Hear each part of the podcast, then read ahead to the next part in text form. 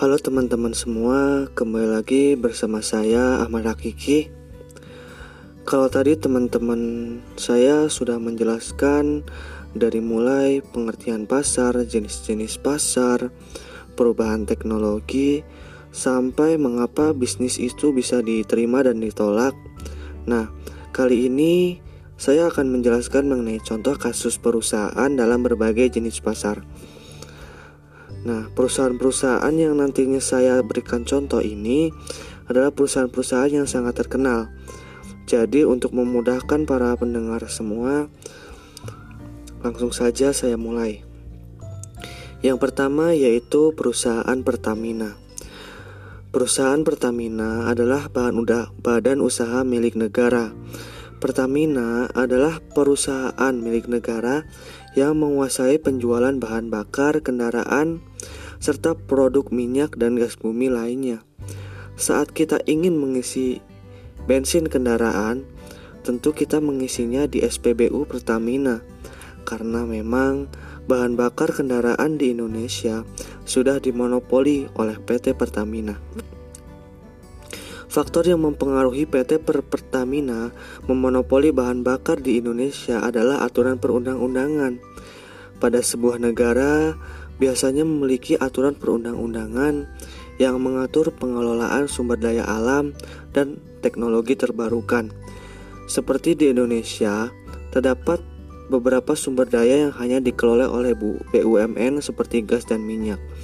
Jadi PT Pertamina ini adalah contoh kasus perusahaan dalam pasar monopoli di mana faktor yang mempengaruhi Pertamina melakukan monopoli itu adalah berdasarkan peraturan perundang-undangan resmi dari negara Republik Indonesia.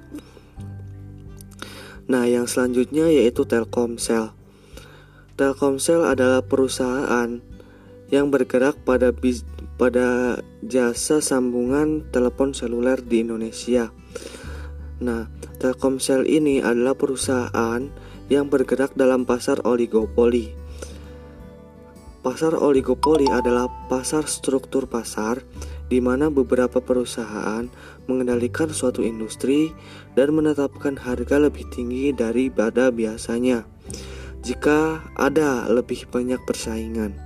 Oligopoli adalah bentuk pasar persaingan tidak sempurna yang hanya memiliki beberapa produsen atau sedikit perusahaan saja dalam menjual produk barang atau jasa yang identik atau mirip satu sama lain.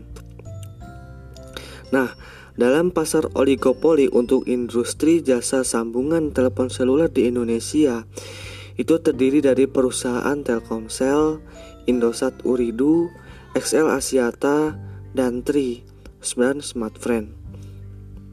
Telkomsel berdiri pada tanggal 26 Mei 1995. Sampai dengan saat ini, Telkomsel adalah perusahaan jasa sambungan telepon seluler yang paling banyak memiliki pelanggan, yaitu sebesar 178 juta. Yang selanjutnya yaitu Semen Holcim. Sama halnya dengan Telkomsel, Semen Holcim adalah suatu perusahaan yang bergerak pada pasar oligopoli.